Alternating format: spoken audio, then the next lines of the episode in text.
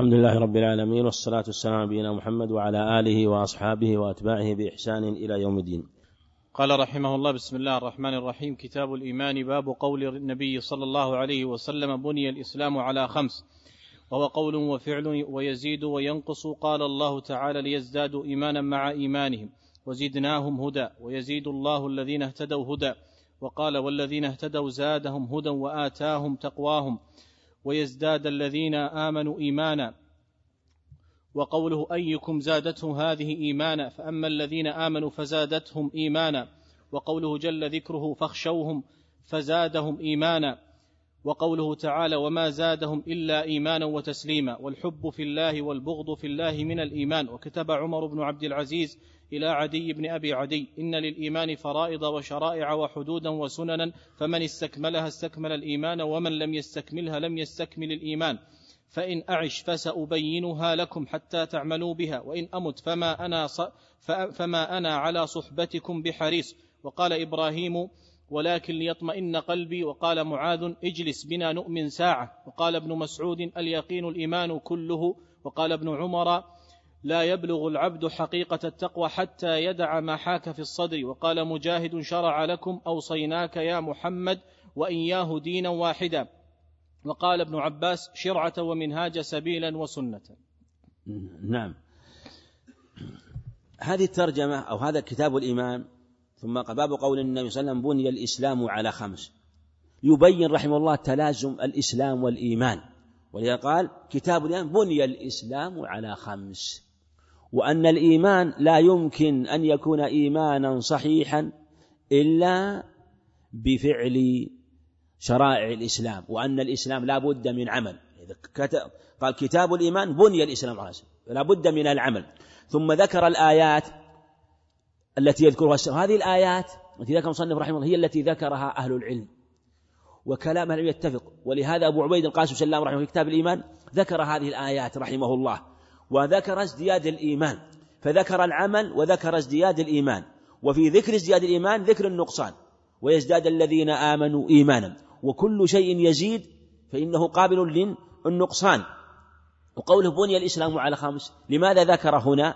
لأن الإسلام والإيمان مثل الفسطاط الذي له عمود وله طنب وله طنب. فلا يقوم فلا يقوم الفسطاط إلا بالطنب والأشرعة التي تمسكه. ولا يقوم ولا يقوم ولا يقوم لا يقوم الفسطاط إلا بالعمود الذي في وسطه. ولا يقوم العمود الذي في وسط الفسطاط إلا بتثبيت الطنب في في الأساس تثبيتها تثبيتا يمنع من زوالها. ولهذا إذا زالت الطنب اهتز العمود وربما سقط. ولقال بني الإسلام على خمس فدل على ارتباط الباطن في الظهر والبخاري سوف يقرر هذا من كل وجه. ويذكر التقرير بأدلة ويبوب له رحمه الله فقرر أن الإيمان يزيد وينقص من جهة أنه ازدياد ويزداد الذين آمنوا إيمانا. هم قبل أن يزدادوا كانوا مؤمنين ثم ازدادوا إيمانا. وقبل الزيادة كان إيمانهم ناقصا. والأدلة على هذا ستأتي وينوع فيها رحمه الله ويتفنن فيه. ثم ذكر رحمه الله آه، قال والحب في الله والبغض في الله. إشارة إلى الأحاديث الواردة في هذا الباب ورد حديث من طلوع عدة من رواية أبي أمامة عند أبي داود بسند جيد ومن حديث أبي ذر عند الترمذي بسند فيه عند أبي داود بسند فيه لين ومن حديث أيضا آه، معاذ بن أنس أيضا عن أبيه بسند فيه ضعف وهو الحديث بأسانيده حديث صحيح وهو أوثق عرى الإيمان الحب في الله والبغض في الله. وكتب عمر بن عبد العزيز الخليفة الراشد توفى سنة 101 للهجرة رحمه الله. ليس له في كتب الستة إلا حديث واحد رحمه الله وهو قوله عليه من وجد أو من أدرك عين ماله عند رجل فهو أحق به وقال الحافظ رحمه الله في التقريب إنه من الرابعة وهذا فيه نظر والأظهر والله أعلم أنه من الطبقة الخامسة وليس من الرابعة. وهذا هو الذي قرره رحمه الله عند شرح هذا الحديث لأنه ذكر آه، من في طبقته رجالا وأنهم وذكر في التقريب أنهم من الخامسة وهو في طبقتهم فهو من الطبقة الخامسة ليس من الطبقة الرابعة. وأبوه عبد العزيز آه، عمر بن عبد العزيز وأبو عبد العزيز بن مروان أخو عبد الملك مروان ولي من مصر نحو من عشرين سنة وعمر بن العزيز آه، ولي الخلافة نحو من سنتين وستة أشهر تسعة وعشرين شهر مثل قريبا من خلافة أبي بكر رضي الله عنه. كتب إلى عدي بن عدي الكندي ثقة فقيه رحمه الله رواه أبو داود والنسائي. إن للإيمان فرائض وشرائع وحدود وأوامر وشرائع وحدود وسننا فمن استكملها فقد استكمل الإيمان. ومن لم يستكملها لم يستكمل الإيمان. وإن أعش فإن أعش فسأبينها لكم. يعني إن بقي. وقوله الإيمان فرائض أمور هي فرض واجب. والشرائع يدخل فيها المستحبات وغيرها. وحدود هي النواهي هي الحدود التي حدوده سبحانه وتعالى أو الفرائض ما فرضه سبحانه وتعالى وكذلك الشرائع يدخل فيها الأوامر والحدود يدخل فيها النواهي. والسنن ما كان سنة عامة يشمل أيضا الواجب والمستحب فأبينها. وجه الشاهد قال للإيمان فرائض فدل على أن الإيمان عمل يشمل الواجب والمستحب والأوامر وأن النواهي تنقصه من انتهكها. فإن أعش فسأبين لكم وإن حتى تعملوا بها. شوف العمل. قال إن للإيمان ثم قال حتى تعملوا. فدل على أن الإيمان لا بد فيه من العمل. ومن أموت فما أنا على صحبتكم بحديث لأن المؤمن إذا لأن الموت إذا جاء المؤمن فهو خير له من الحياة. وقال إبراهيم ولكن ليطمئن قلبي. هذا روى ابن جرير بسند صحيح سعيد بن جبير كما قال الحافظ أنه قال يزداد يقيني أنه, أنه من كلام سعيد أنه قال يزداد يقيني ولكن ليطمئن قلبي ودل على واليقين يكون في القلب وهو من الإيمان. وقال معاذ اجلس بنا نؤمن ساعة. وهذا وصله ابن أبي شيبة بإسناد صحيح. وأثر عمر وصله ابن أبي شيبة أيضا بإسناد صحيح. وقال ابن مسعود اليقين الإيمان كله هذا ووصله ابن أبي خيثمة في تاريخه أيضا بسند صحيح. وفي كلام الحافظ رحمه الله أنه قال نقل عن ابن أبي خيثمة في تاريخه بلفظ الصبر نصف الإيمان واليقين الإيمان كله. ورواه البيهقي في الزهد مرفوعا لكنه رفعه منكر كما قال أبو علي النيسابوري والصواب أنه موقوف على ابن مسعود. والشاهد أن اليقين الإيمان كله. اليقين ولا يكون يقين. آه، هذا يبين فيه رد فيه رد على من جعل الإيمان هو القول كالكرامية. كالكرامية آه، فبين أنه يقين القلب وقولهم باطل. وقال ابن عمر لا يبلغ العبد حقيقة التقوى حتى يدع ما حاك في الصدر. هذا قال الحافظ لم أره موصولا. يقول الحافظ لم أره موصولا وإن كان له شواهد في أدلة في صحيح مسلم وغيره. وقال مجاهد شرع لكم أوصيناك يا محمد وإياه دينا واحدا. هذا وصله عبد بن حميد والطبري شرع لكم أوصيناك يا محمد وإياه دينا واحدا. هذه العبارة اللي هو كلمة مجاهد بعضهم قال إن فيها تحريف أو تصحيف وقال مع الصواب أوصيناك يا محمد وأنبياءه. أوصيناك يا محمد وأنبياءه وأنبياءه دينا واحدا.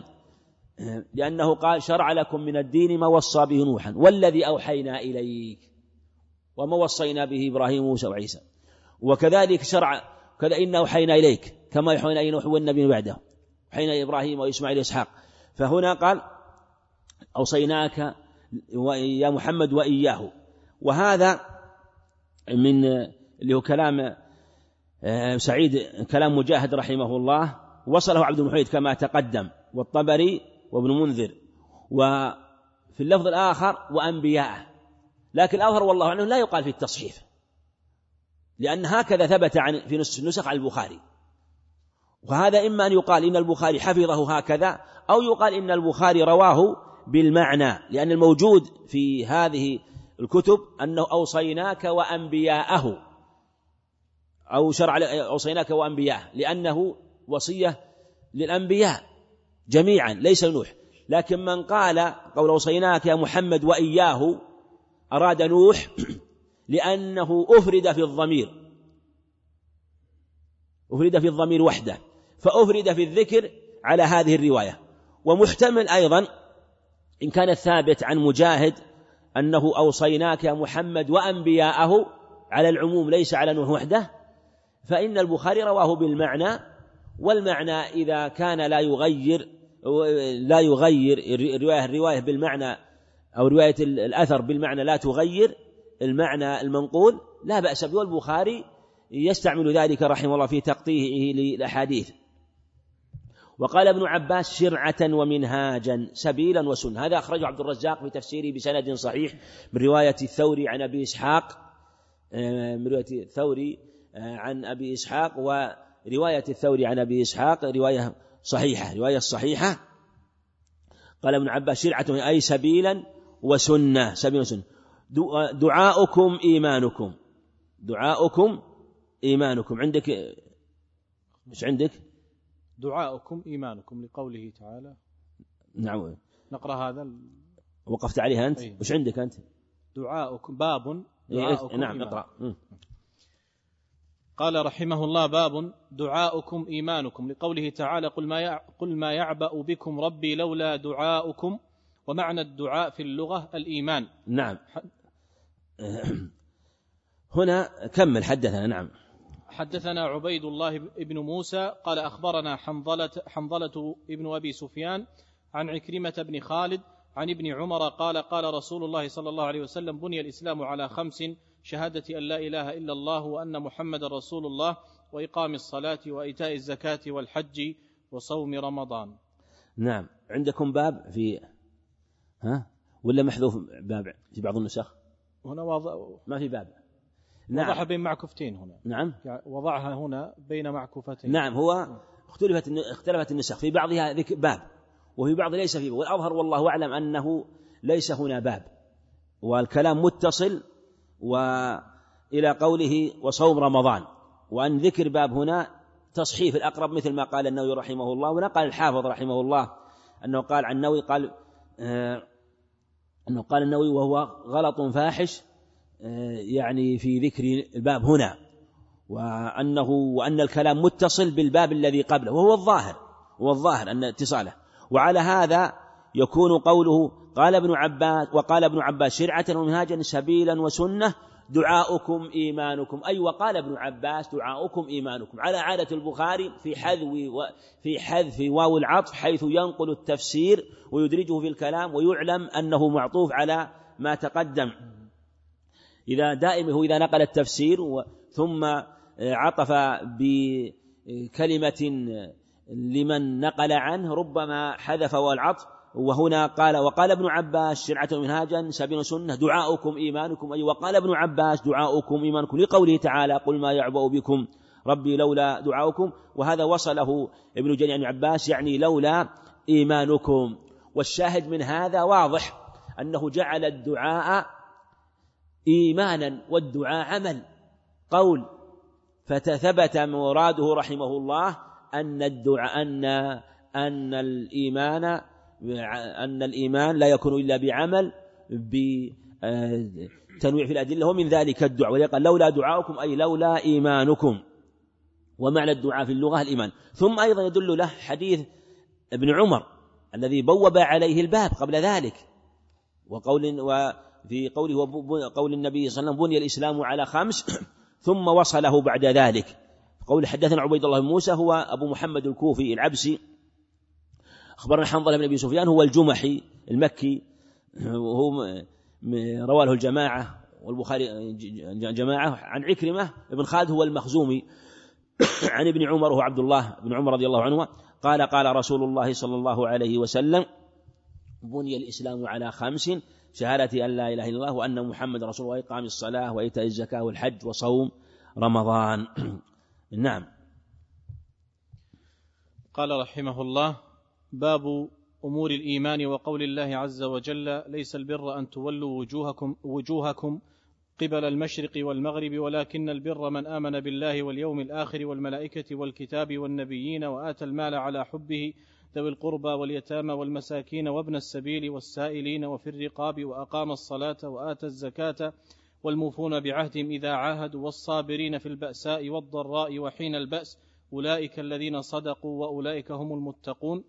قد أفلح المؤمنون. الآية حدثنا عبد الله بن محمد حدثنا أبو عامر العقدي قال حدثنا سليمان بن بلال عن عبد الله بن دينار عن أبي صالح عن أبي هريرة عن النبي صلى الله عليه وسلم قال الإيمان بضع وستون شعبة والحياء شعبة من الإيمان. نعم. باب أمور الإيمان. أيضا هذا تنويع آخر من البخاري رحمه الله في أن الإيمان أمور والأمور جمع أمر. فإذا كان أمورا فإنه مركب منها ولا يقوم إلا بها. ثم ذكر الآية الدالة على أمور الإيمان من هذه الأعمال العظيمة هي من أوضح الدلائل على أن الإيمان قول وفعل ونية لأنه مجموعة أمور. ثم ختم بالباب بحديث أبي هريرة حدثنا عبد الله محمد هذا هو المسندي فتح النون لأنه يقال مسندي والمسندي يعني لأن يروي الأحاديث المسندة رحمه الله أو يسند الأحاديث. حدثنا أبو عامر العقدي عبد الملك بن عمرو آه، قال حدثنا سليمان بلال عن عبد الله بن دينار عن أبي صالح عن أبي هريرة رضي الله عن النبي صلى الله عليه وسلم قال الإيمان بضع وستون شعبة والحياء شعبة من الإيمان. إذا الإيمان أمور كثيرة وشعب كثيرة وهو بضع وستون شعبة كما في هذه الرواية فدل على أنه عمل وأن أعماله كثيرة ثم دل أيضا على أنه يزيد. فمن أتى بشعبه كلها ازداد إيمانه صار في أعلى الدرجات. ومن نقص شعبه فإنه يكون بقدر ذلك ينقص إيمانه. وبقدر ازدياده من الشعب يزداد يزداد الذين امنوا كلما ازداد إيمان شعبة كلما زاد إيمان. هكذا الإسلام نزل وجاء شعبة شعبة وشريعة شريعة حتى كمل الدين وتمت شعبه واكتمل فلم يمت عليه الصلاة والسلام إلا وقد تمت شعب الإيمان وتمت شعب الإسلام وأركان الإسلام. اليوم أكملت لكم دينكم وأتممت عليكم نعمتي ورضيت لكم الإسلام دينا. والناس حينما يدخلون في الإسلام والإيمان كالناس حينما يدخلون البيت الواسع الكبير. فمن دخل فيه وتمكن في بحبوحة الدار هذا تمكن من الدار فتمكن من شعب الإيمان. ومن كان في أول عتبة من عتبات الباب فهو لم يأخذ من الإيمان والإسلام إلا بالشيء اليسير وعلى خطر من الخروج منه إذا لم يحاسب نفسه ويتقدم لأنه إما أن يتقدم أو يتأخر. ومنهم من يكون في دهليز الدار. ومنهم منهم من يكون في ناحية ومنهم من يكون في وسطها. كل من دخل رآه وشاهده فهو قد استكمل شعب منه. كما ذكر أبو عبيد رحمه الله القاسم بن سلام الناس في مثل آه، الإيمان كمثل الناس حينما يأتون إلى هذه الدار لدخولها. وهنا قال بضع وستون شعبة. والشعبة هي القطعة. والحياء شعبة من الإيمان لأن لما ذكر الحياء لأنه معين على الإتيان بشعب الإيمان. ولهذا قرنا صحيح مسلم أعلاها قول لا إله إلا الله وأدناها إماطة الأذى عن الطريق. ففيها القول وفيها الفعل. والإيمان قول وفعل. والإيمان قول وفعل. قوله بضع وستون. هذه رواية البخاري. ورواية ورواية عند مسلم بضع وسبعون. واختلف الترجيح. الحافظ رجح بضع وست أن الإيمان بضع وستون والأقرب والله أعلم أن الأرجح والأقرب بضع وسبعون. وذلك أن الحديث رواه أبو عامر العقدي من طريق سليمان بلال وقد رواه عن أبي عامر العقدي مجموعة المسندي كما هنا ورواه أبو قدامة السرخسي وعبد بن حميد عند مسلم ومحمد عبد الله مبارك المخرمي عند النسائي بإسناد صحيح. رواه عنه عن أبي عامر أربعة. المسندي تفرد من دون هذه الثلاثة بقول أنه ست بضع وستون شعبة بضع وستون شعبة. وجاء عند المسلم بالشك بضع وستون أو بضع وسبعون في رواية. ويشهد لرواية آه، لقوله اليوم بضع وسبعون شعبة أنه جاء من طريق آخر من طريق آخر من آه، رواية سهيل عن عبد الله بن دينار آه، عن عبد الله بن دينار عن أبي صالح نفس الطريق هذا عن أبي هريرة أنه أن قال عند الثلاثة أبي داود والترمذي النسائي بضع وست بضع وسبعون شعبة. وحينما ننظر من جهة آه، كثرة الرواة آه، يكون الترجيح لهذه الرواية قوله بضع وسبعون شعبة. والشاهد أنه شعب كثيرة كما تقدم فمن استكملها استكمل الإيمان كما قال عمر بن عبد رحمه الله. نعم. قال رحمه الله باب المسلم من سلم المسلمون من لسانه ويده. حدثنا آدم بن إياس ابن أبي إياس قال حدثنا شعبة عن عبد الله بن أبي السفر وإسماعيل عن الشعبي عن عبد الله بن عمرو عن النبي صلى الله عليه وسلم قال المسلم من سلم المسلمون من لسانه ويده والمهاجر من هجر ما نهى الله عنه. قال أبو عبد قال أبو عبد الله وقال وقال أبو معاوية حدثنا داود عن عامر قال سمعت عبد الله بن عمرو عن النبي صلى الله عليه وسلم وقال عبد الأعلى عن داود عن عامر عن عبد الله عن النبي صلى الله عليه وسلم. نعم. المسلم من سلم المسلمون من لسانه. حدثنا آدم بن أبي إياس قال حدثنا شعبة بالحجاج رحمه الله عبد الله بن أبي السفر وإسماعيل بن أبي وإسماعيل هذا هو ابن أبي خالد. عن الشعبي وعامر بن شراحيل الشعبي عن عبد الله بن عمرو بن العاص عن النبي صلى الله عليه وسلم. المسلم من سلم المسلمون من لسان يده والمهاجر من هجر ما نهى الله عنه. هذه خصلة من خصال الإيمان وخصلة وشعبة من شعبه وأن المسلم هو من سلم المسلم لسانه ويده.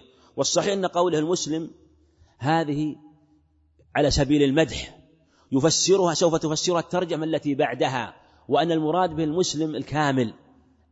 قال بعضهم كيف يكون من سلم المسلم لسانه ويده يكون بهذه الصفة المدح؟ وهو أمر واجب. نقول قال المسلم من سلم المسلمون من لسانه ويده. سلم المسلمون من لسانه وذلك أنه حينما يخالط الناس عموما قال المسلمون على سبيل العموم والناس والإنسان إذا خاط الناس على سبيل العموم لا بد أن يحصل من هذا خطأ بقول أو فعل أو تعدي.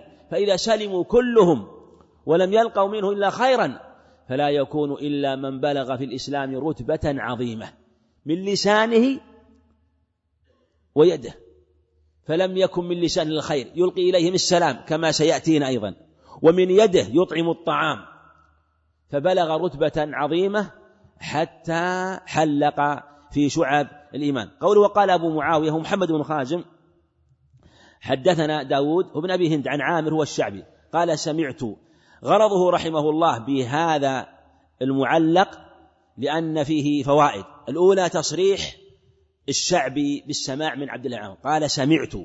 في الذي قبله قال عبد الله عمر عن النبي الشعبي عن عبد الله. هنا قال سمعت. هذه فائدة إسنادية فائدة إسنادية من جهة السماع. أيضا فيها متابعة. أبو معاوية تابع شعبة عن عبد الله بن أبي السفر وداود بن أبي هند تابع ابن أبي السفر وإسماعيل تابعهم أيضا. فهي فائدة إسنادية أخرى. وهذه وهذا المعلق وصله إسحاق في مسنده وصله إسحاق بن راهوية في مسنده رحمه الله. وقوله قال عبد الأعلى هو ابن عبد الأعلى السامي وثقة رحمه الله إمام يرويه البخاري رحمه الله. عن داود المتقدم عن عامر المتقدم عن عبد الله. إيش عندك في سنة؟ وقال عبد وقال عبد الأعلى؟ عن عبد الله عن النبي صلى الله عليه وسلم. عن عبد الله هكذا. اي عن عبد الله. واللي قبله؟ اللي قبله سمعت عبد الله بن عمرو. بن عمرو. إيه؟ نعم. في بعض النسخ ساقط بن عمرو. في الأولى لا في الثانية. وهو رحمه الله أراد أن يبين السند المعلق هذا بالمعلق الأول. غرضه من هذا المعلق أيضا آه، فيه المتابعة أيضا آه، بالرواية عن داود في رواية أبي معاوية عن داود متابعة أخرى عن داود أيضا فيه بيان عبد الله هذا الذي المهمل ولم ينسب هو عبد الله بن عمرو في السند الأول في المعلق الذي قبله. وهذه مما يعتني بها البخاري رحمه الله. قد يسوق إسناد إسناد ليس له ليس لمتنه تعلق بالترجمة لغرض إسنادي يسوق إسنادا بمتن آخر لا تعلق له بالترجمة من جهة المتن أو بالترجمة لغرض إسنادي من سماع فلان سمع فلان. وهذا يأتينا له أمثلة إن شاء الله. نعم. قال رحمه الله باب أي الإسلام أفضل؟ حدثنا سعيد بن يحيى بن سعيد القرشي قال حدثنا أبي قال حدثنا أبو بردة ابن عبد الله بن أبي بردة عن أبي بردة عن أبي موسى رضي الله عنه قال قالوا يا رسول الله أي الإسلام أفضل؟ قال من سلم المسلمون من لسانه ويده. نعم. باب أي الإسلام أفضل؟ المس... هنا التي قبلها المسلم من سلم المسلمون من يده. وهنا قال أي الإسلام أفضل؟ فهي أعلى وأرفع. وهذا يبين أن الإسلام أيضا يزيد وينقص كالإيمان. الإسلام ولقال أي الإسلام أفضل؟ لأن بعض الناس إسلام أفضل من بعض. ولهذا في صحيح مسلم أي المسلمين أفضل؟ فمن كان أفضل في باب الأعمال من أهل الإسلام فهو أفضل إسلاما. قال حدثنا سعيد بن يحيى بن سعيد قال حدثني أبي وهو يحيى بن سعيد القرشي. يحيى بن سعيد القرشي.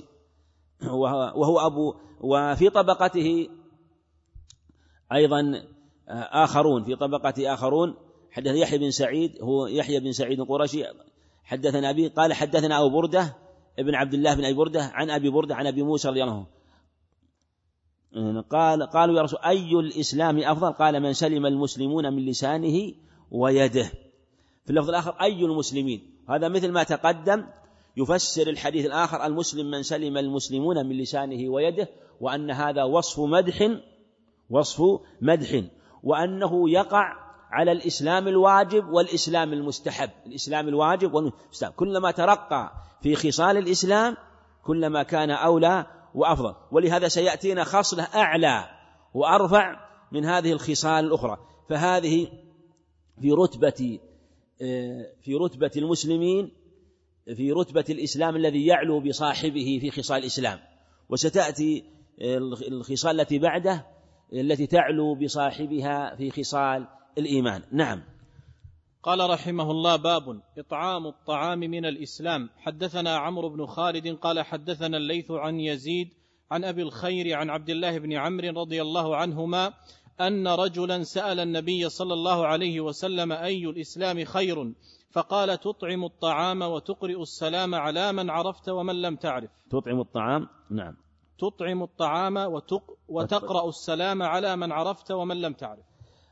حدثنا عمرو بن خالد هذا هو ابن فروخ أبو الحسن التميمي عن يزيد عن أبي الخير عن عبد الله عن حدثنا الليث بن سعد عن يزيد عن أبي الخير آه، مرثد بن عبد الله اليزني عن عبد الله بن عمرو رضي الله عنهما أن رجلا سأل النبي صلى الله عليه وسلم أي الإسلام خير؟ في عند مسلم أي المسلمين خير؟ مثل ما تقدم حديث أبي موسى أن بعضهم قال أي المسلمين أفضل؟ وهنا قال بعضهم أي المسلمين خير؟ قال تطعم الطعام وتقرأ السلام على من عرفت ومن لم تعرف. هذا يبين لك أن خصال الإسلام كثيرة. ولهذا فسرها في اللفظ الأول قال من سلم المسلمون من لسان يده. وهنا قال تطعم الطعام وتقرأ السلام على من عرفت ومن لم تعرف. وهذا يبين لك أيضا أنه كلما ازداد من خصال الإسلام كلما ازداد إسلاما. وفي هذا ارتباط الإسلام بالإيمان. من ازداد إسلامه ازداد إيمانه. لكن الأعمال الظاهرة أخص بمسمى الإسلام وأعمال باطنة أخص بمسمى الإيمان. وهذا سيأتي لها أيضا في تراجم ستأتي في كلام صلى قال تطعم الطعام. تطعم الطعام وتقرأ السلام على من عرفت ومن لم تعرف.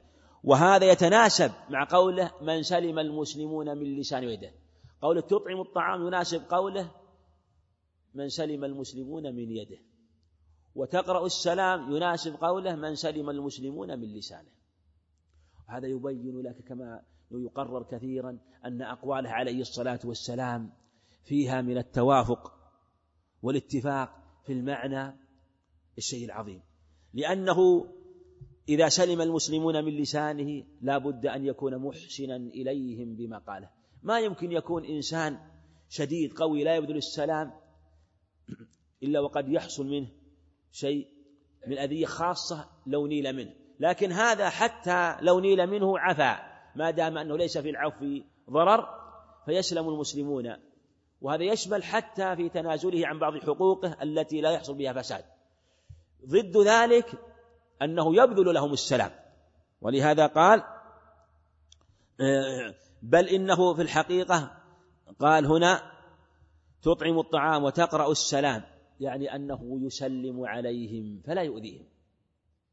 هم يسلموا من لسانه ويبدأهم بالسلام وإن آذوه. سلموا من يده فلا يؤذونه ولو آذوه بل يحسن إليهم. يعني ولو آذوه يحسن إليهم. ويكسب قلوبهم. وهذا لا يمكن أن يكون إلا لمن أراد الله والدار الآخرة. أبدا. ما يمكن إنسان يتطبع بهذه الأخلاق لأمور مصالح أبدا. صاحب المصالح لا يتطبع بمثل هذه. إنما من يريد الله والدار الآخرة فإنه تذل نفسه لهذه الأخلاق فيرتفع في خصال الإسلام. نعم.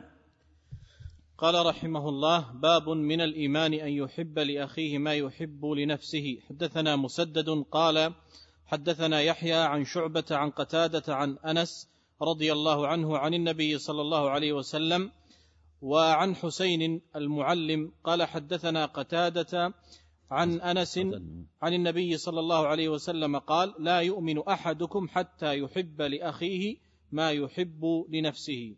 نعم باب من الإيمان يحب لأخيه ما يحب لنفسه وأن هذا من خصال الإيمان ومن شعب من شعب مثل ما تقدم الحب في الله والبغض في الله وأنه من الإيمان الذي يزداد العبد بإيمان. فإذا أحب لاخيه ما يحب لنفسه ازداد إيمانه. قال حدثنا مسدد بن مسرهد قال حدثنا يحيى بن سعيد القطان عن شعبة بن الحجاج عن قتادة بن دعامة الخطاب السدوسي عن أنس رضي الله عنه أن النبي صلى الله عليه وسلم قال وعن حسين حسين بن ذكوان المعلم قال حدثنا قتاد يعني أن الحديث رواه عن قتادة شعبة وحسين. فعاد الحديث إلى قتادة. وقوله عن هذا تحول من سند إلى سند. واو عطف هنا. وعن آه، حسين عطف عطف بهذا إلى سند آخر إلى سند آخر. وقوله هنا واو وعن حسين ليفيد ليفيد آه، فوائد. منها أنه لا يتركب سند حديث سند على سند حتى لا يتركب سند على سند. لو حذف الواو عن حسين ربما تركب سند عن سند. عن سند. فلهذا جاء بالواو حتى يتبين مثل هذا. قال حدثنا قتادة عن أنس عن النبي صلى الله عليه وسلم. المصنف رحمه الله ساق الحديث على لفظ رواية شعبة. لم يسوقه على لفظ رواية حسين. ساق الحديث على لفظ رواية شعبة. وإن كانت رواية حسين هي المتأخرة في الإسناد لكنه لم يسوقه على روايته. دليله ان أن لفظ رواية شعبة رواية حسين لفظ روايه حسين من رواية مسدد من رواية مسدد عند أبي نعيم في المستخرج لم يقل حتى قال حتى يحب لأخيه ولجاره زاد ولجاره. هذا لفظ رواية حسين زاد ولجاره حتى يحب لأخيه ولجاره. رواية حسين عند مسلم موجودة عند مسلم من غير رواية مسدد قال حتى يحب حتى قال حتى يحب لأخيه أو قال لجاره بالشك من غير رواية مسدد. والذي جعلنا نقول إن لفظ رواية حسين أن مع أنه حتى يحب لأخيه ولجاره بالواو العاطفة على لأخيه أنه عند ابن عن المستخرج من رواية مسدد اللي روى عن البخاري بقوله ولجاره. هذا يبين أنه ساقه على رواية شعبة. وهذا هو الموجود أيضا في صحيح مسلم. والبخاري رحمه الله تارة يسوق الحديث على لفظ الإسناد المتقدم وتارة على لفظ الإسناد المتأخر. يسوء تارة يفعل هذا وتارة يفعل هذا. يعني يقول إن أحيانا يسوق الحديث بإسنادين.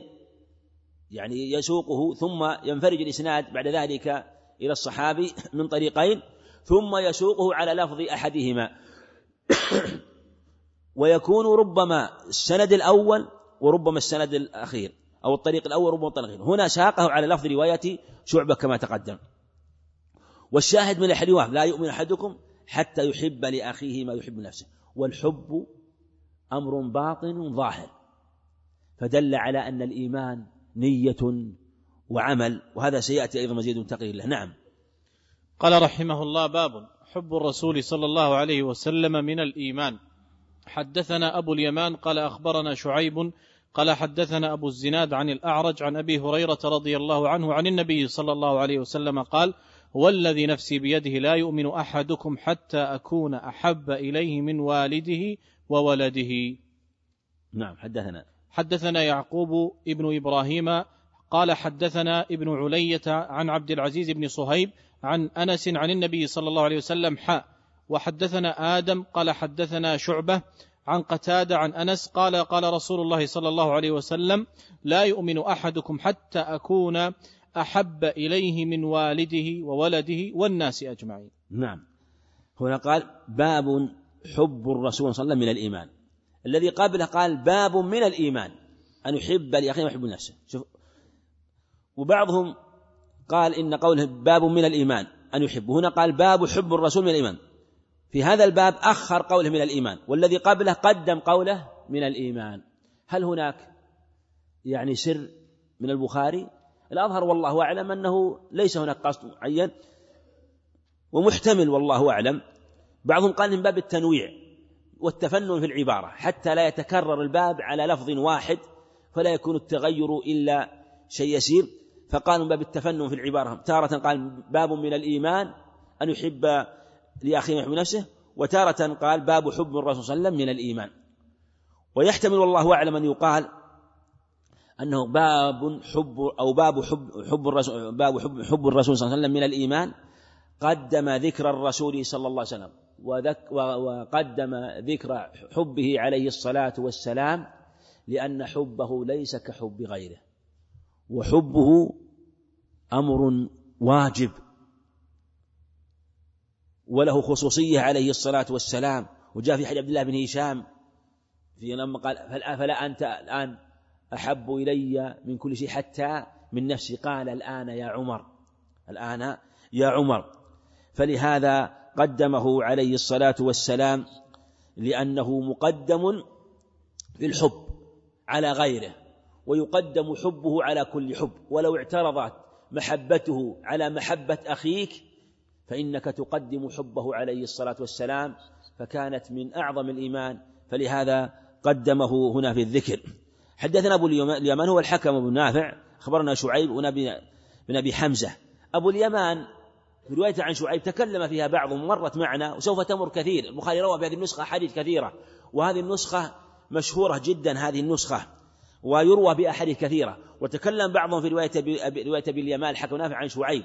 وقالوا إن رواية عنه إنه لم يسمع منه والصحيح فيه أنه سمع منه شيئا يسيرا جدا لكنه أذن له في روايته وأجازه ولما حضرت الوفاة أبا حضرت شعيبا حضر أبو اليمان وكان ابن شعيب موجود وأمر أن يؤذن في رواية كتبه وأجازه بها وأذن له في روايته وغاية الأمر أن أبا اليمان يستجيز الإخبار في الإجازة.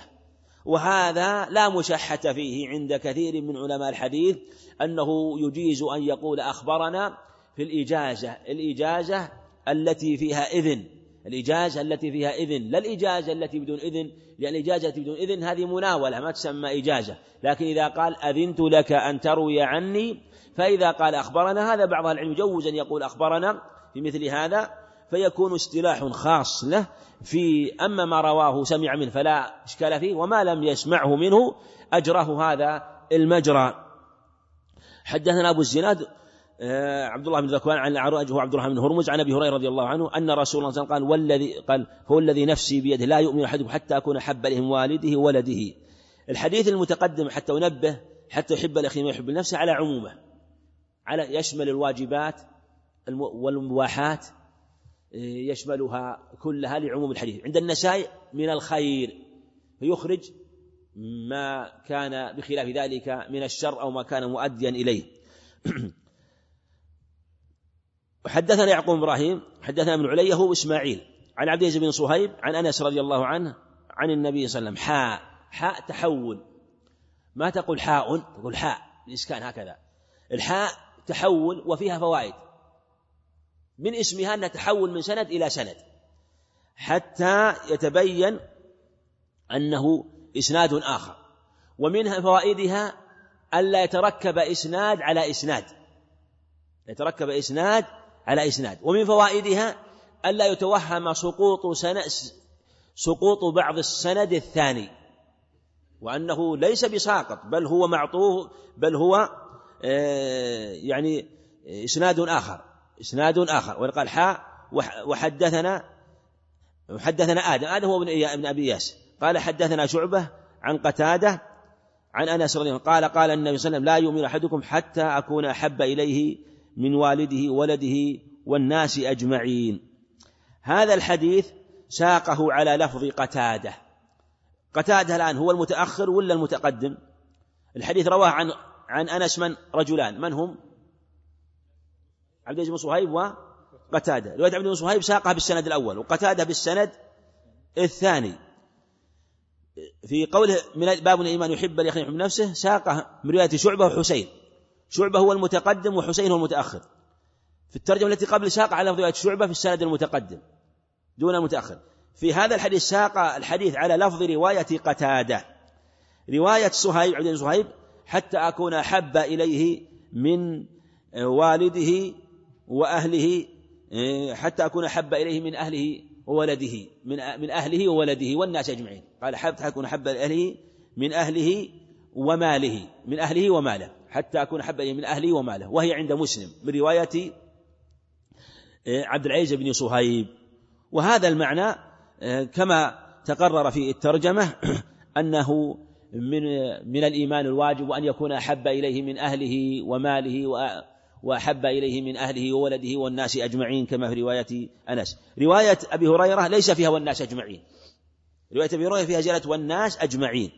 فاستفدنا حديث من طريق آخر بزيادة لفظ آخر من طريقين في رواية حديث أنس. فحديث أنس فيه فوائد من أنه رواه بإسنادين ومنها أنه زاد في اللفظ قول والناس أجمعين ومنها أنه زاد في رواية آه، صهيب من أهله وماله في اللفظ الذي هو عند مسلم وإن كان لم يذكره آه، وذكر لفظ رواية قتادة كما تقدم. نعم. قال رحمه الله باب حلاوة الإيمان. حدثنا محمد بن المثنى قال حدثنا عبد الوهاب الثقفي قال حدثنا أيوب عن أبي قلابة عن أنس رضي الله عنه عن النبي صلى الله عليه وسلم قال ثلاث من كن فيه وجد حلاوة الإيمان أن يكون الله ورسوله أحب إليه مما سواهما وأن يحب المرء لا يحبه إلا لله وأن يكره أن يعود في الكفر كما يكره أن يقذف في النار. نعم. وهذه الترجمة باب حلاوة الإيمان. شاهدها وعلاقتها بالحديث أن الإيمان له حلاوة والحلاوة تزيد وتنقص. كلما زادت الحلاوة كلما زاد الإيمان. كلما نقصت الحلاوة كلما نقص الإيمان. وبقدر شدة الحلاوة يزداد إيمانه حتى يبلغ شدة حلاوة الإيمان إلى أن يقذف النار. يعني يؤثر القذف في النار على أن يترك دينه. في اللفظ الآخر آه، بعد إذ أنقذ إذ أنقذه الله منك وستأتي عند البخاري وهي عند مسلم أيضا. وفي اللفظ الآخر عند البخاري أنه أحب إليه أنه أحب إليه. وهذا هو وجه علاقته بالترجمة ووجه علاقته بكتاب الإيمان من جهة ازدياد الإيمان ونقصانه. نعم. قال رحمه الله باب علامة الإيمان حب الأنصار. حدثنا أبو الوليد قال حدثنا شعبة قال أخبرني عبد الله بن عبد الله بن جبر قال سمعت أنس رضي الله عنه عن النبي صلى الله عليه وسلم قال آية الإيمان حب الأنصار وآية النفاق بغض الأنصار. هذا باب علامة الإيمان وهذا يبين قوله علامة العلامة شيء ظاهر فدل على أن الإيمان ظاهر قال علامة. وهذه من تنبيهات البخاري رحمه الله والحديث قال آية. والباب باب علامة. وهذا ما دعا بعض الشراح أنه يقول إنهم يقال يبوب ويشير إلى لفظ آخر. في في اللفظ الآخر عند مسلم من علامة أو هنا قال آية الإيمان. آية الإيمان حب الأنصار النفاق والأنصار أما العلامة في حديث آخر. وهنا الآية أو العلامة أمر ظاهر فدل على أن الإيمان لا بد أن يكون عام أن يكون ظاهرا وعملا ظاهرا وهو نابع من القلب وما كان في القلب لا بد أن يصدقه العمل. وبضد ذلك بغضهم وهو آية النفاق. والنفاق يكون له ظهور وبدو على صاحبه. نعم. قال رحمه الله باب حدثنا أبو اليمان قال أخبرنا شعيب عن الزهري قال أخبرني أبو إدريس عائذ الله ابن عبد الله أن عبادة ابن الصامت رضي الله ابن الصامت رضي الله عنه وكان شهد بدرا وهو أحد النقباء ليلة العقبة أن رسول الله صلى الله عليه وسلم قال وحوله عصابة من أصحابه بايعوني على أن لا تشركوا بالله شيئا ولا تسرقوا ولا تزنوا ولا تقتلوا أولادكم ولا تأتوا ببهتان تفترونه بين أيديكم وأرجلكم ولا تعصوا في معروف فمن وفى منكم فأجره على الله ومن أصاب من ذلك شيئا فعوقب في الدنيا فهو كفارة له ومن أصاب من ذلك شيئا ثم ستره الله فهو إلى الله إن شاء عفى عنه وإن شاء عاقبه فبايعناه على ذلك. نعم. هذا الباب ساقط من بعض النسخ كما نبه عليه الحافظ وغيره وموجود في بعض النسخ. فإن كان موجود فالقاعدة عند البخاري بالاستقراء من تصرفه رحمه الله أنه إذا ذكر باب بدون ترجمة فإنه يكون كالفصل مما قبله. مثل الفقهاء حينما يذكرون مثلا فصل ثم يقولون باب باب باب يعني تفريع على ما قبله. فإن كان ليس الباب موجود ثابت من كلام البخاري فهو كالفصل مما قبله. وإن لم يكن لأنه مرتبط به لأن في ذكر الأنصار رضي الله عنهم والذي قبله في حب الأنصار. وإن كان مذكور فنص على الباب وذكره لأن فيه زيادة وهو السبب في تسميتهم بالأنصار. في التسمية وهو تلك الليلة لما بايعوا النبي عليه الصلاة والسلام فذكر السبب في تسميتهم بالأنصار فكانوا بهذه المنزلة فكان حبهم إيمان وبغضهم نفاق. وهذا ثبت أيضا في الصحيحين آه، من حديث براء بن عازب لا يحب الأنصار لا مؤمن ولا يبغضهم إلا منافق. نعم. قال رحمه الله باب من الدين الفرار من الفتن. حدثنا عبد الله بن مسلم عن مالك عن عبد الرحمن بن عبد الله بن عبد الرحمن بن أبي صعصعة عن أبيه عن أبي سعيد الخدري أنه قال قال رسول الله صلى الله عليه وسلم يوشك أن يكون خير مال المسلم غنم يتبع بها شعف الجبال ومواقع القطر يفر بدينه من الفتن. نعم باب من الدين الفرار من الفتن. وهذا واضح أيضا في ارتباطه بكتاب الإيمان وأيضا من جهة أنه جعل الدين من الدين في رامية والدين يشمل الإسلام والإيمان والإحسان. فالدين يدخل فيه الإيمان ويدخل فيه مراتب المراتب الأخرى من مراتب الدين. وحديث أبي سعيد الخدري فيه بيان أن الفرار من الفتن من الدين. من الدين. وذلك أن الفرار عمل ظاهر. قال بعضهم إن الفرار كيف يكون دينا؟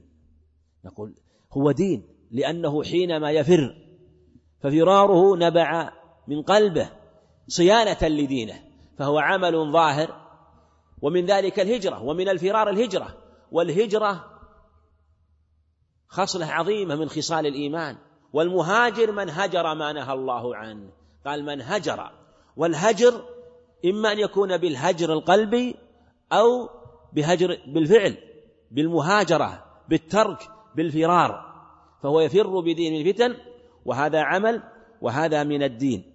والفرار فيه صيانة له من النقص وسعي في رفعته سعي في رفعته والازدياد من الإيمان. نعم.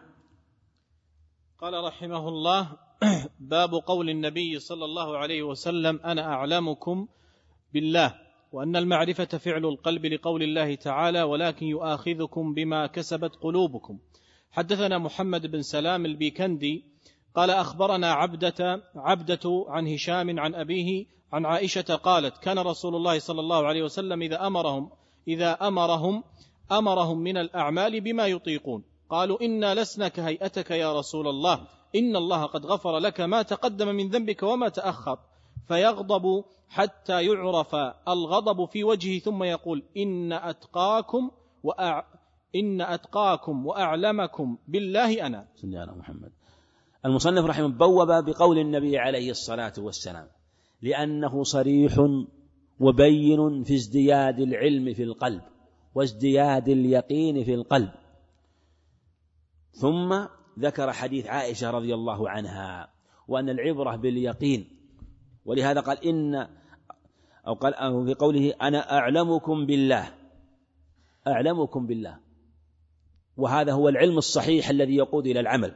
وأن المعرفة فعل القلب هذا في رد على الكرامية الذين يقولون إن الإيمان قول ولو كان في الباطن بخلاف ذلك. قولهم يعني ينابذ كما أنه يصادم الكتاب والسنة وإجماع السلف إلا أنه صادم صادم للفطرة قول باطل وبطلانه وظهوره واضح.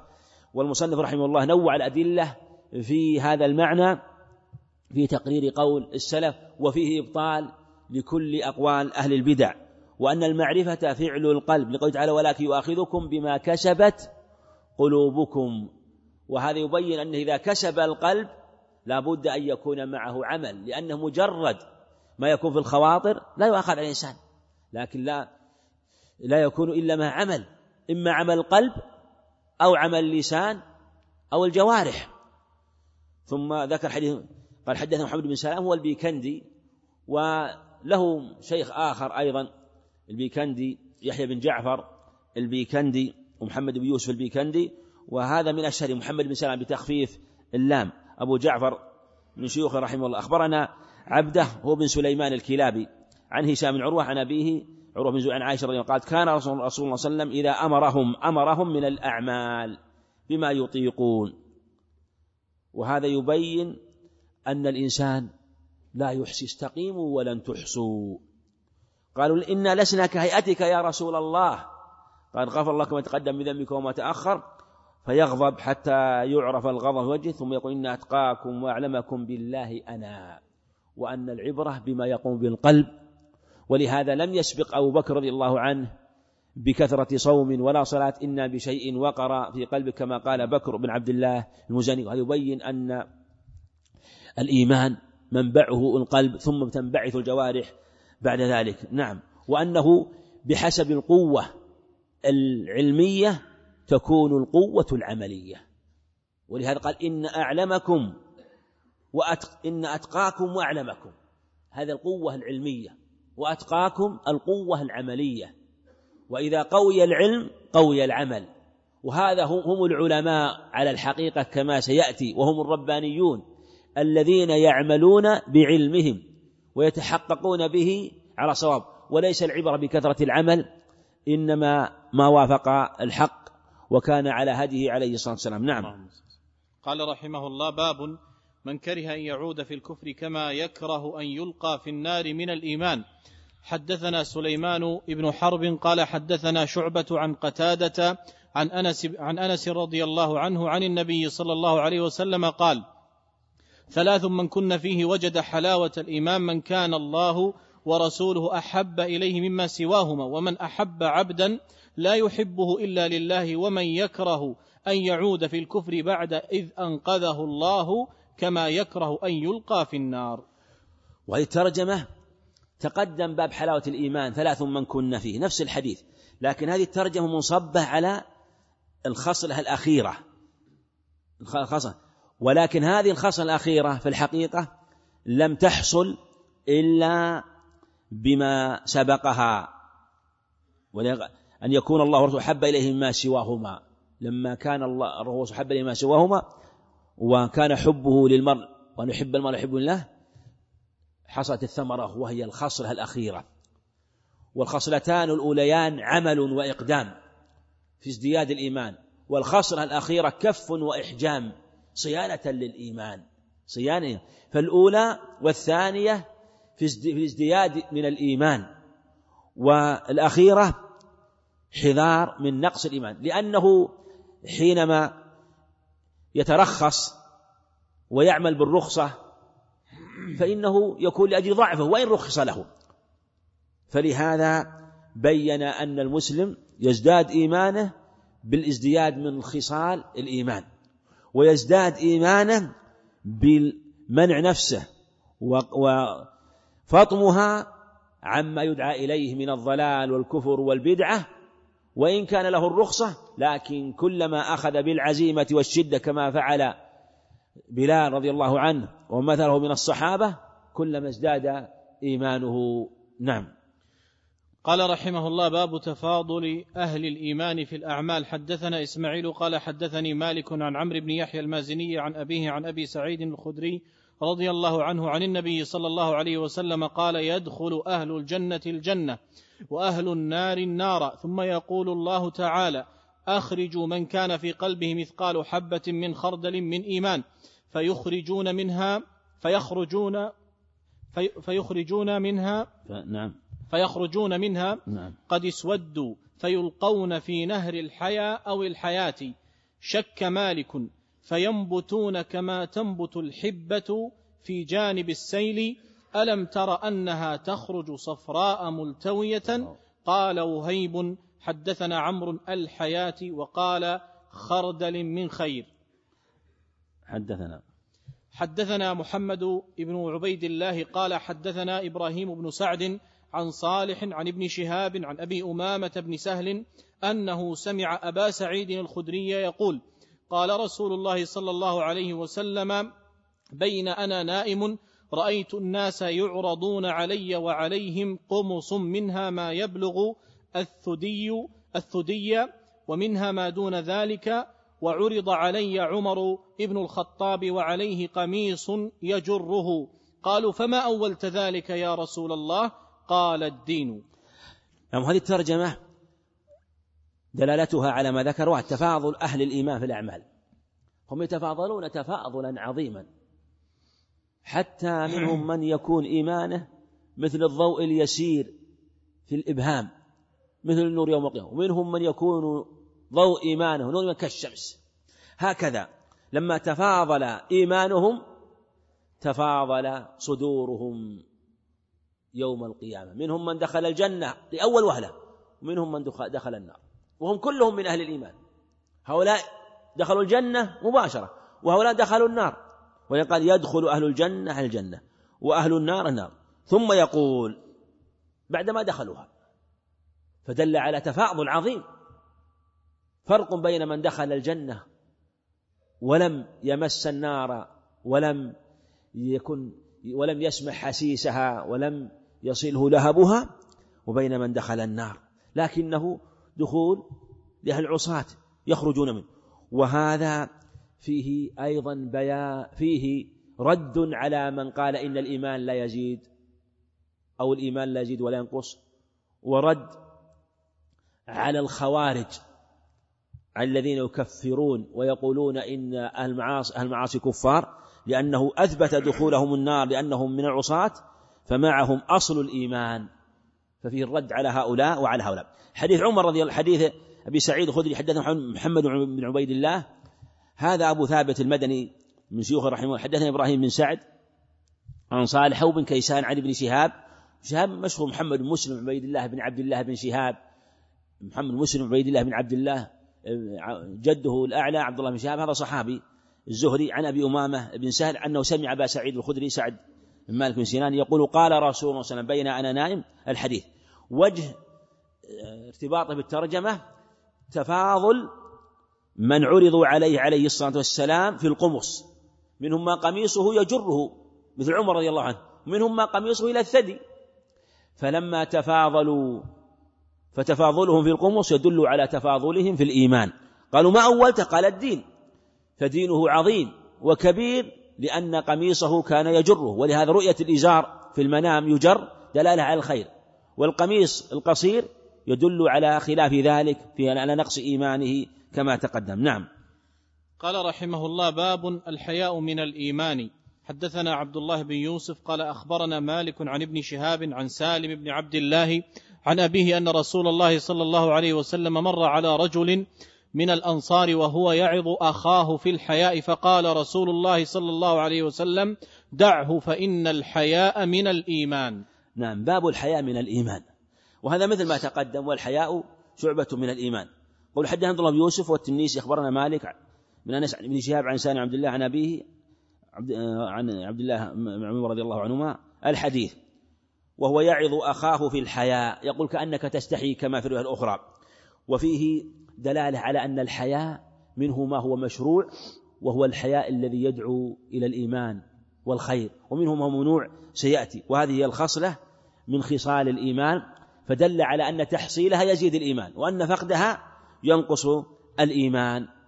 فدل على زيادة الإيمان ونقصه بنقص بعض شعبه وزيادة بزيادة شعبه كالحياة. نعم باب. قال رحمه الله باب فإن تابوا وأقاموا الصلاة وآتوا الزكاة فخلوا سبيلهم. حدثنا عبد الله بن محمد المسندي قال حدثنا أبو روح الحرمي ابن ابن عمارة قال حدثنا شعبة عن واقد بن محمد قال سمعت أبي يحدث عن ابن عمر أن رسول الله صلى الله عليه وسلم قال أمرت أن أقاتل الناس حتى يشهدوا أن لا إله إلا الله وأن محمد رسول الله ويقيموا الصلاة ويؤتوا الزكاة فإذا فعلوا ذلك عصموا مني دماءهم وأموالهم إلا بحق الإسلام وحسابهم على الله. نعم قف على على هذا باب من قال إن الإيمان. نعم باب فإن تابوا وأقاموا الصلاة وآتوا الزكاة فخلوا سبيلهم. هو رحمه الله أراد أن يفسر الآية بالحديث. يفسر الآية بحيث. ولهذا ذكر حديث ابن عمر من طريق عبد الله بن محمد قال حدثنا أبو روح الحرم الحرم بن بن عمارة. هو العتكي هذا. حدثنا شعبة عن واقد بن محمد. هذا ابن محمد بن زيد. بن عمر الخطاب. سمعت أبي محمد بن زيد. محمد بن زيد هذا بن عمر سمع جده بن عمر وأبوه زيد أيضا روى كلاهما روى عن عن ابن عمر لكن هنا من رواية محمد بن زيد عن أبيه عن جده آه، عن جده ابن عمر. أن رسول الله صلى الله عليه وسلم قال أمرت أن أقاتل الناس حتى يشهدوا أن لا إله إلا الله وأن محمدا رسول الله. أيضا هذا الحديث قالوا أن محمدا رسول الله. ويقيموا الصلاة والزكاة. فإذا فعلوا ذلك عاصوا مني دماءهم وأنه بحق لسان وحسابهم على الله. معنى أنه له الظاهر أما بواطنهم فهو إلى الله. بواطنهم دل على أن الذي يعصم الدماء هو الإسلام الظاهر. وإن كان في الباطن لا ينفعهم. وإن كان فيما بينه وبين الله إذا لم يكونوا صادقين لا ينفعهم. ودل على أنه كما سيأتي أن الإسلام على الحقيقة هو الإسلام باطنا وظاهرا. لكن في البداية في البداية لا نختبر لا ننتظر حتى نختبر باطنا. لا إذا أظهر لنا الإسلام عاملناه بذلك. فإن تابوا وأقاموا الصلاة وآتوا الزكاة فخلوا سبيلهم. ولهذا في الصحيح أبي هريرة ويؤمن بي وبما جئت به. حتى يشهدوا لا إله إلا الله ويؤمن بي وبما جئت به. حديث ابن عمر هنا أوقاتنا حتى يشهدوا أن لا إله إلا الله وأن محمدا رسول الله ويقيموا الصلاة ويؤتوا الزكاة. فإذا فعلوا ذلك عصوا مني دماءهم وأموالهم بحق الإسلام إلا بحق الإسلام. يعني إلا أن يأتوا أمرا يجب عليهم بحق الإسلام من حد أو حق واجب عليهم فإنه يقام عليهم. وحساب الله يعني في باطن الأمر أن أمرهم إلى الله. كما في الصحيحين إني لم أمر أن أشق عن بطونه عن بطونهم. يعني ليس لنا إلا الظهر. والمعنى أن من أتى بهذه الخصال فإنه أتى بخصال الإسلام الظاهرة الواجب قبولها والتي تقدم ذكرها وهو إن كان في الباطن كالظاهر كان إسلام على الحقيقة وإلا لم يكن إسلام الحقيقة وستأتي في الترجمة التي آه، بعد ذلك سيأتينا ترجمة في إسلام قوم اختلف فيهم هل كان إسلامهم معنى الإسلام أو بمعنى الاستسلام على الخلاف في آه، هذه الترجمة الآتية. نسأله سبحانه وتعالى لنا ولكم العلم النافع والعمل الصالح. وصلى الله وسلم وبارك على نبينا محمد.